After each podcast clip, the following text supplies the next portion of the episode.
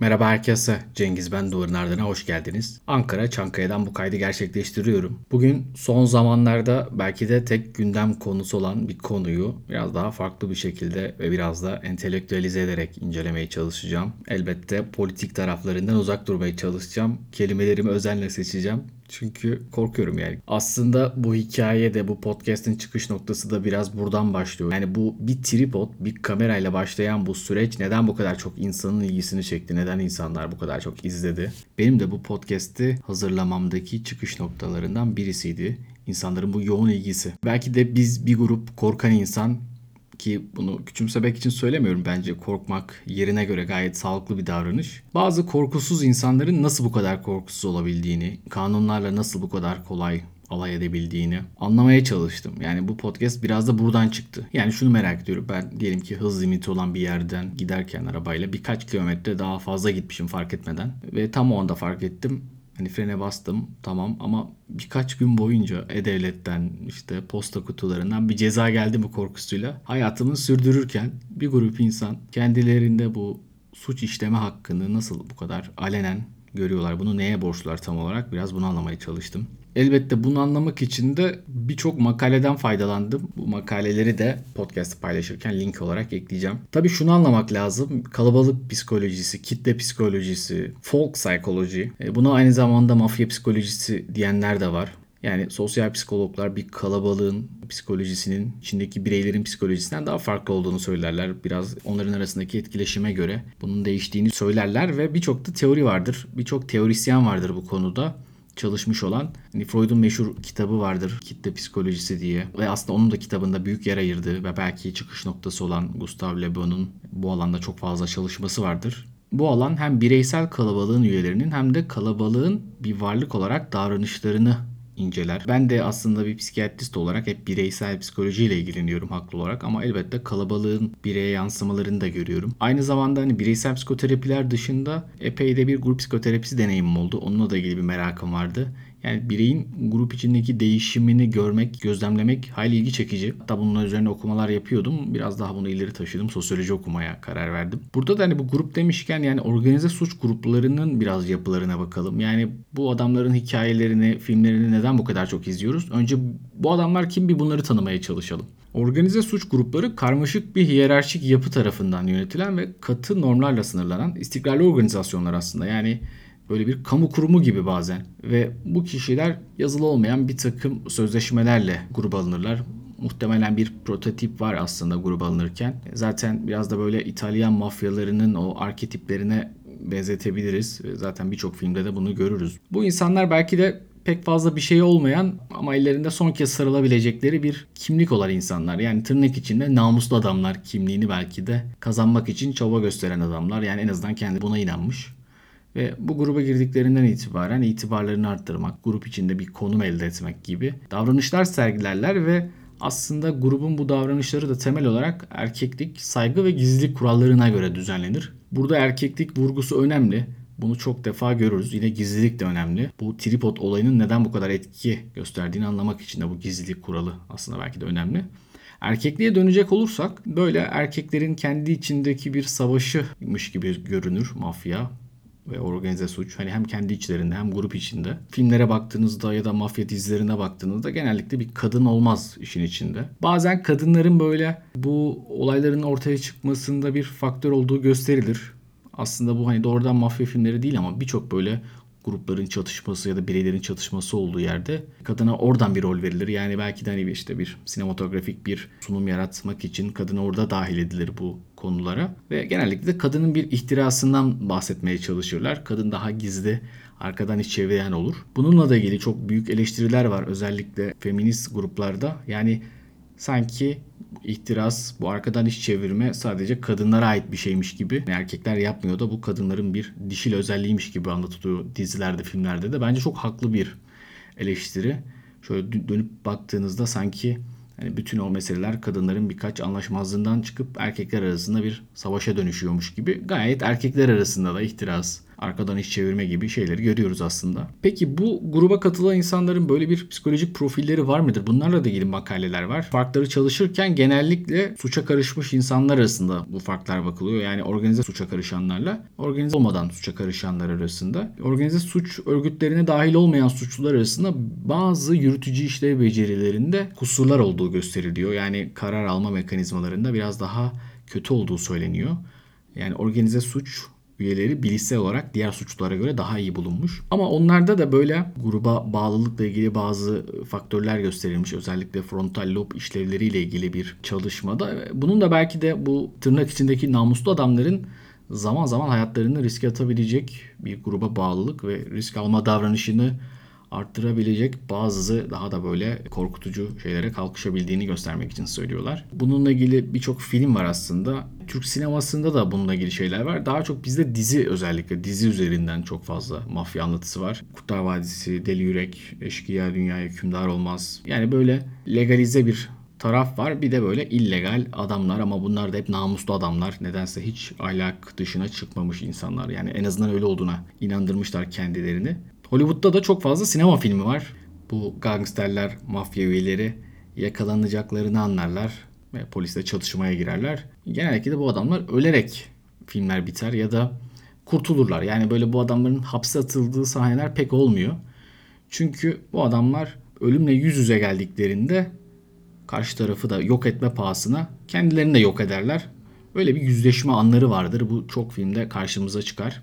Bu adamların işte bu güç arzusu aslında buna sebep olan şeylerden biridir ya da bunların yenilmezliği. Birazdan bunların sebeplerinden de bahsedeceğim. Kendilerinin o manik inkarlarının ya da o tanrısal olmayışlarını inkar edişlerinin bedeli olarak böyle bir sahne çıkar karşımıza. Çünkü bu adamlar belki en başta sıradan birisi olarak köylü çocuğu bir banyo çocuğunun hikayesini bize anlatırlar. Onlar giderek yükselir ama bir yerden sonra bu güç onu ele geçirir ve o namuslu adam değişik işler yapmaya kalkar. Ha, en başında diyeceksiniz ki yani neresinde bunun namus var, neresinde herhangi bir fayda var diye düşündüğünüzde. Evet ama hep bir işte anti kahraman yaratma hikayesidir bu. Bir dönem aslında Hollywood'da da bu işi abartmışlar. Yani bu anti kahramanlar bu polisle çatışan, kanunlarla çatışan insanlara çok büyük sempati duyulmuş. Hollywood biraz endişelenmiş yani ya da Amerika diyeyim. Bu insanların artan sempatisini azaltmak için başka türlü filmler çekilmeye başlanmış. Ama genel olarak mafya filmlerine bir ilgi var. Genel olarak işleyen de bir tema var bu mafya filmlerinde. E, bu kahraman giderek yükselir. Artık böyle aşırı bir yüksek seviyeye gelir ve sonra bir düşüş başlar. Yani bu bir döngüdür. Ve düşüş kısmı aslında daha tehlikelidir. Yani aşırılığa ulaşma kısmında da zaten legal davranmaz da düşme kısmı işleri iyice çığırından çıkarır. Filmlerde genellikle bu adamların oralardaki o yıkıcı narsizmine odaklanır. Artık bu kişi yani hukuk kurallarının ötesinde cezalandırılmayacağını düşünen bu adam kanunlarla, polisle, devletle karşı karşıya kaldığında onun o yıkılmaz güçlü fantezi dünyasının yok oluşunu biz izleriz. Kendisine hakaret edenlere, kendisine hükmetmeye çalışanlara olan o saldırısını görürüz ve o arzuyu görürüz. E, belki de işte bu filmlerin bu kadar izlenmesindeki sebeplerden birisi olarak da bu öne çıkıyor. Yani aslında hepimiz işte bir sıradan insanlar. Hep de trafikten örnek veriyorum. Nedense hep trafikle ilgili cezalar belki de beni korkutuyor. E, kırmızı ışıkla ilgili yaya şeridini biraz geçtiğimizde hemen böyle arka arkaya geliriz. Onu böyle tekrar düz yapmak için hani belki bir ceza gelir diye korkarız. Ama bu adamlar korkmuyorlar. Tamam bu korkunun sağlıklı bir korku olduğundan bahsetmiştim. Bir de böyle hani bize işte getir götür diyenler, het het yapanlar var hayatımızda. Gün içinde çok defa saygısızlıklara maruz kalıyoruz. Bir takım saldırılara maruz kalıyoruz. Bazen fiziksel saldırılara maruz kalıyoruz. Yani herkes yaşamıştır. Yani ben de küçük yaşlarımdayken annemle bir araba yolculuğunda böyle iri yarı bir adamın arabadan inip bizim arabamızı yumrukladığını hatırlıyorum. Yani hiçbir şey yapamayacağımı biliyorum. Adamın döveceğini de biliyorum. Ve o andaki o çaresizlik çok da iyi hissettirmez. Ama bu çaresizlik işte o andaki hissetmek yani o çaresizliği hissetmek aslında olgun bir mekanizma. Bazen birilerinin bizi dövebileceğini bilmek ve bundan korkmak gayet sağlıklı bir davranış. Ama bu filmleri izlerken sonuçta bir sanal dünya. Yani neden korkalım ki? Yani neden korkmamız gereksin ki? Bir ötekinin hikayesini izliyoruz. Bu adamların o yenilmezliği, o güçle beraber her şeyi yapabileceklerini düşünmesi bizde de onunla bir özdeşim kurmaya yol açıyor. Bunun tehlikeleri var. Bazen bu abartılıyor. İşte bununla ilgili hani hep söyleniyor ya işte çocuklar dizilere özeniyor, işte filmlere özeniyor, öyle adamlar olmaya çalışıyorlar diye. Elbette psikolojik olarak o olgunluğa erişmemiş mekanizmaları olmayan insanlarda belki evet bu özdeşim kötü bir yere gidebilir. Ama bir taraftan o her şeye gücü yeten adamın o yıkıcılığının, zevklerinin o kadar tatlı olduğu, o libidinize nefretin evreninde biz de var olmak isteriz. Hatta o adam diğer düşmanlarını yok ederken kendi yok olacağını bilse bile buna devam eder ve insanlar bunu izler. Tripod olayını izleme sürecini de biraz böyle yorumluyorum. Yani kendisi de diyor videoları çeken. Yani yok olacağımı bile bile, başıma işler geleceğini bile bile bunları yapıyorum. Tam da böyle aslında. Yani karşı tarafı yok ederken yok olması pahasına bunu yapıyor. E, belki de bizim gibi zayıf insanlarda, belki yöneticilere sesini çıkarmayan insanlar, belki hayatlarından memnun olmayan insanların korkuları o kişide olmayınca doğal olarak bu ilgi çekiyor. Ben kimsenin bir mafya liderini savunduğunu ya da bir suç örgütü liderini idealize ettiğini, kutsallaştırdığını düşünmüyorum. Tam olarak o içimizdeki korkak ve çaresiz insanı bir yerden çekip çıkarıyor. Mesela bakın bağımsız özgür medya olarak geçen YouTube yayınları yapan gazeteler çıkaran ya da Eskiden ana akımda çalışmış gazetecilerin şu anda bu olayları yorumlama şekline bakın. Kötü ve ahlaki olmayan bir gözle bakarsanız baksanız adamlar mafya liderine ümitlerini bağlamış. Mafya ülkeyi ele geçirsin istiyorlar diyebilirsiniz. Humanist bir taraftan baktığınızda belki daha uzaktan bir perspektif kazanarak baktığınızda o insanların ne kadar da çaresiz olduğunu, ne kadar da korktuğunu, bir şeyleri söylemekte. Bu nedenle de belki bunları açık açık söyleyebilen birisini gördüklerinde ne kadar mutlu olduklarını görüyorsunuz. Ha kaldı ki biraz daha işte özgür, bağımsız olan insanlar yani medyada en azından daha az korktukları için orada olduklarını söylüyorlar ama yine de hala dışarıda olduklarına göre hala işte hapishanede olmadıklarına göre mesela tam olarak çizgiyi aşmamışlar ki en azından belli platformlarda yayın yapabiliyorlar. Yani bunu iyi olduğu için söylemiyorum ama her ne kadar korkusuz olduğunu, cesur olduğunu söyleyen bir basın mensubu dahi olsanız ya da bir politikacı, siyasetçi de olsanız bazı şeyleri herhalde söyleyemiyorsunuz. Belki de söylememeniz gerekir zaten. Ama işte bir adam çıkıyor ve bir tane tripodla ağzına gelen her şeyi söylüyor. Doğru, yanlış. Yani kimse iddiaların gerçekliğinin de belki peşinde değil. Belki hiçbir zaman da ispatlanamayacak ama birisinin bunları diyebilmesinin ne kadar da insanların aslında yapamadığı bir şey olduğunu görüyoruz. Yani birçoğumuz belki üst kat komşumuza bile iki kelime demiyoruz ama birileri çıkıp neler neler söyleyebiliyor. Ve bu insanlarla ilgili Steiner'ın çok önemli bir tespiti var. Bu yıkıcı narsizmle ilgili oluşan literatüre katkıları var bu konuda.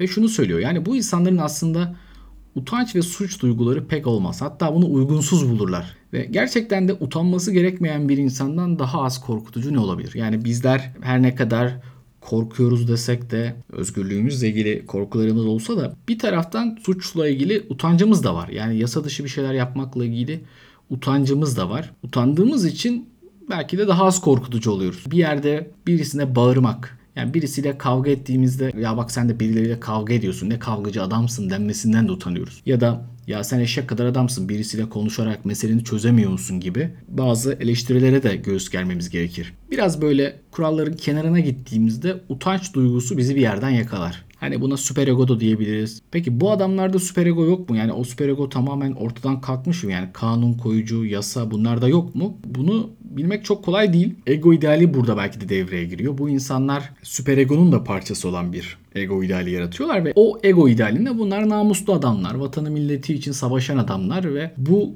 gruba dahil olan insanlar da aslında kendi ideallerini gruba yansıtıyorlar ve o bireysel idealleri yani tek başına çok da anlamı olmayan ego idealleri grup içinde yeniden bir kimlik buluyor ve belki olan şey daha da güçleniyor. Artık bu namuslu adamlar gerçekten vatanın milletin belki de tek kurtarıcısı. O yüzden daha da tehlikeli bir hale geliyor. Yani süper ego meselesi ortadan çıkıyor çünkü bu adamlar zaten o ego ideallerine kavuşmak için her şeyi yapması gereken ve yapan adamlar. Ve aslında bu insanlar gerçekte bazen yüz yüze kaldıklarında bir geri çekilme yaşarlar. Psişik bir geri çekilme. Benliklerin o muhtaç, bağımlı kısmı baştan çıkarılıyor ve ona bakmayı vaat eden ama aslında sadist güdüler tarafından yönetilen o narsistik organizasyonla işbirliği yapan kısım bir geri çekilme yaşıyor. Hakikatten ve sınırların ve hukukun gerçekliğinden uzaklaşan, utanç, suç ve cezadan onu koruyan baştan çıkarıcı sadizm her şeye gücü yetme ve yenilmezlik izli.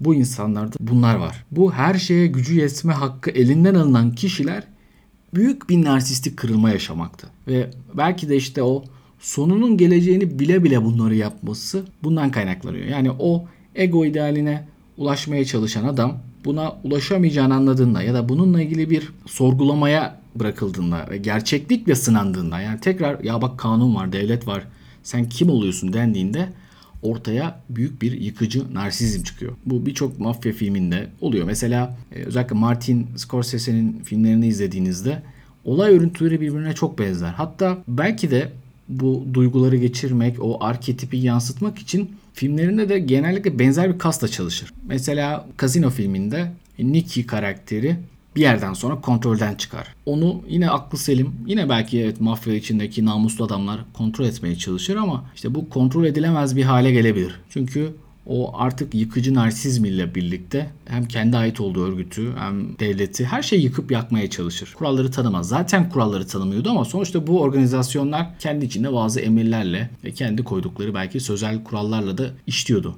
Mesela kadınları çok önemliydi onlar için. İşte ailelerinin özel hayatları, namusları. Ama Nikki bunları da artık aşmaya başlamıştı belki de en temel kanunları patronunun eşiyle birlikte olmuştu. Yani bu kontrol edilemez hale gelmek korkuyla karşılanıyor yani diğer taraf üyeleriyle ilgili. Çünkü Nicky aslında o korkusuzluğu için belki de aralarına alınan kişiydi.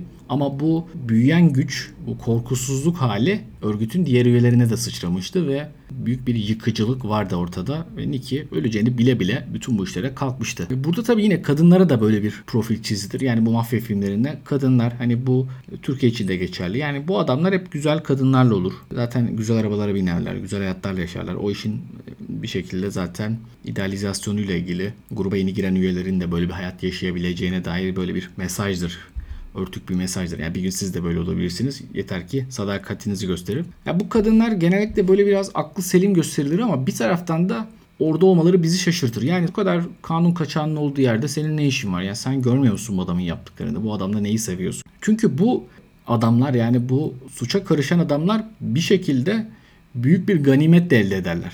Yani hiç fakir mafya lideri görmemişizdir herhalde bu kanunsuzluğu, bu suça karışma işlerini bir ödül içinde yaparlar. Namuslu adam kimliği elde etmişlerdir. Bu zaten onlar için başlı başına bir kazanımdır. Bir de bazı meyveler toplarlar ve işte o kadınların da biraz bu meyvelerden vazgeçemediğini ve biraz da o her tarafa gücü yeten adamın himayesinde olmaktan keyif aldığını ve elbette haklı olarak da bu himayeden çıktığında da bir korkuyla karşılaşacaklarını bildiği için orada olmaya devam ettiklerini görürüz. Aslında bu baktığımız olaylar hani bu filmler neden bu kadar kült filmler oldu, neden bu kadar çok izlendi, neden bu kadar bu karakterlerle insanlar özdeşim kurdu. Bununla da ilgili şöyle teoriler var. Yani ötekiliğin sağladığı bir psikolojik mesafe, uzaklık. Yani aslında biz genel olarak hayatımızda bunu yaparız. Yani bazı durumlara bir psikolojik mesafe koyarız ve geçmişe baktığımızda bazı şeyler daha nostaljik gelir, daha romantik gelir. Ve hani kötü bazı anılar, hikayeler silinir, flulaşır ve kendimizi uzaktan baktığımızda hoş anılarla hatırlarız ya da etrafımızdakileri. Elbette bazı ruhsal hastalıklarda o ruminasyonlarda geçmişe bazı anıları işte yanlı çağırmak gibi olaylar oluyor ama genel olarak genel ruh halimizden bahsediyorum. Bazen bu mesafeyi yani psikolojik mesafeyi zaman olmadan da koyabiliriz. İşte bu ötekiliğin sağladığı psikolojik mesafeyle. Yani birisine bakarız ve onunla özdeşim kurarız ve sonuçta biliriz yani bizi riske atmadan bizim idealleştirdiğimiz kişidir. İdealize ettiğimiz insandır. Yani sonuçta ölse de ne olacak? Gerçekte ölmeyecek ama onun o duygularını yaşamak, onunla beraber bir şeylerin karşısında durmak, savaşmak bir heyecan verir, bir keyif verir. Bu da aslında o öteki olmanın yani o antik kahramanla beraber, onunla beraber özdeşim kurarak bazı hikayelerin köşesinde, kenarında bir aktör olmanın keyfidir. Tabi aslında e, şu belki de tartışmalı bir nokta. Yani hepimiz suça ya da kötü olmaya bu kadar yatkın ve elverişli miyiz? Yani biz bu adamlarla özdeşim kurarken sadece o güçsüzlüğümüz, o omnipotansımızın olmayışıyla mı alakalı? Yani bu adamlar sayesinde mi tüm güçlü olduğumuzu hatırlayabiliyoruz ya da tüm güçlü olmadığımızı hatırlayıp tekrar onunla beraber mi o keyfi yaşayabiliyoruz? Acaba yani insanın özünde bir kötülük var mı? Bununla da ilgili tartışmalar, belki felsefi ve ahlaki tartışmalar ortaya çıkabilir. Bu Gigias'ın yüzüğü gibi yani bu Platon'un kitabında bahsi geçen hikaye gibi. Devlet kitabında anlattığı gibi. Yani biz bir gücü elimize geçirdiğimizde ya da şartlar bizi oraya götürdüğünde biz de onlar gibi davranır mıyız? Aslında dizilere, filmlere baktığımızda zaman zaman onlar gibi davranmakta bir çekince bulamıyoruz. Ama gerçek yaşamda öyle olur muyuz? Bu tabii ki çok tartışmalı bir soru. Ama Platon'a göre aslında insanın özünde bir kötülük var. Yani ama şöyle bir kötülük var. Gücü ele geçirdiğinde. Yani belki de o yüzden hani gücü kimseye vermemek gerektiğini savunuyor. Yani devlet kitabında da biraz daha buna yönelik bir anlatı var. Ya da gerçekten akil insanlara vermek, filozoflara vermek bu gücü önemli. Tabii bu işte gücün verileceği insanın entelektüel seviyesinin gücün kullanılmasıyla da ilişkisine dair pek çok sosyolojik çıkarım da var. Hatta çok daha basit bir şekilde baktığımızda e, Türkiye siyasal hareketinde de biz bunu görürüz. Yani 60 darbesinden sonra ortaya çıkan ve ondan sonra oluşturulan anayasada Cumhurbaşkanlığı oluşturmak ya da bir takım üyeliklere seçilmek için bir yüksek lisans mezunu olma şartı getirilir. Çünkü toplumun o zaman işte e, Demokrat Parti'nin sağ hükümetlerin popülist söylemleriyle beraber daha okumamış, daha işte topraklı, işte köylü insanların biz iktidara geldiğini gördük. Toprak ağlarının belki de eski o feodal alışkanlıkların hüküm sürdüğü zamanları gördük ve bu şekilde Demokrat Parti yönetti ama bu da bir totaliter rejim yarattı bir yandan. E, aslında bu insanlar elbette demokratik bir şekilde oraya geldiler ama demokrasiyi biraz tamamen majority olarak kullanmaya başladılar. Ondan sonra ortaya çıkan insanlar da e, bu gücün kime verilmesi konusunda büyük bir kafa karışıklığı yaşadılar. Aslında şunu görüyoruz ki bu güç kime verilirse verilsin Türkiye'de bir işe yaramadı. Ama en azından okumuş insanlara verirsek bu güç belki daha kontrol edilebilir bir e, duruma gelir dediler. Ondan da çok verim aldıkları söylenemez. Ama bu işte Platon'un anlattığı gibi yani bu yüzük hatta işte Yüzüklerin Efendisi filminde de belki alttan öyle bir mesaj var. Yani bu yüzüğün gittiği, bu gücün gittiği insanlar böyle organize suç örgütleri olursa ve zaten hiçbir entelektüel birikimi olmayan insanlar olursa iş daha farklı boyuta gidebilir ki burada zaten bu savaşta şunu da görüyorsunuz. Tripod Savaşı'nda sürekli bir entelektüel mesaj verme çabası var. Yani bak biz o adamlar değiliz. Yani biz saçma sapan cahil bir adamın öfkesini yansıtmıyoruz. Ben işte şu kitapları okuyorum, bu kitapları okudum, şunlarla konuştum, bunlara atıf yapıyorum gibi ifadeler de sanki o intelijansaya sarılıp gücün aslında çok da böyle tutarsız, çok saçma sapan şekilde kullanılmadığını ve gayet aklı selim şekilde kullanılmaya çalışıldığını anlatmaya çalışan, ifade etmeye çalışan belki de beyhude bir çaba. Olaylar, bu filmleri izleme isteğimiz, bu videoları izleme isteğimiz çok karışık birçok faktör var. Ben bunları kabaca özetlemeye çalıştım. Zor bir konu, anlatması da zor bir konu. İnsanların hangi kulakla dinleyeceklerini bilmek de, tahmin etmek de çok kolay değil. E, işin tabii ki de Türkiye'de yaşama realitesi var. Yani herkes kafasına göre bir şey anlayıp bu durumlardan çok e, tuhaf çıkarımlar yapabiliyor. Ama ben yine de kelimelerimi seçerek sizlere bu hikayeyi biraz da bu gözle anlatmaya çalıştım. Buraya kadar dinleyen herkese çok teşekkür ederim. Kendinize iyi bakın. Hoşçakalın.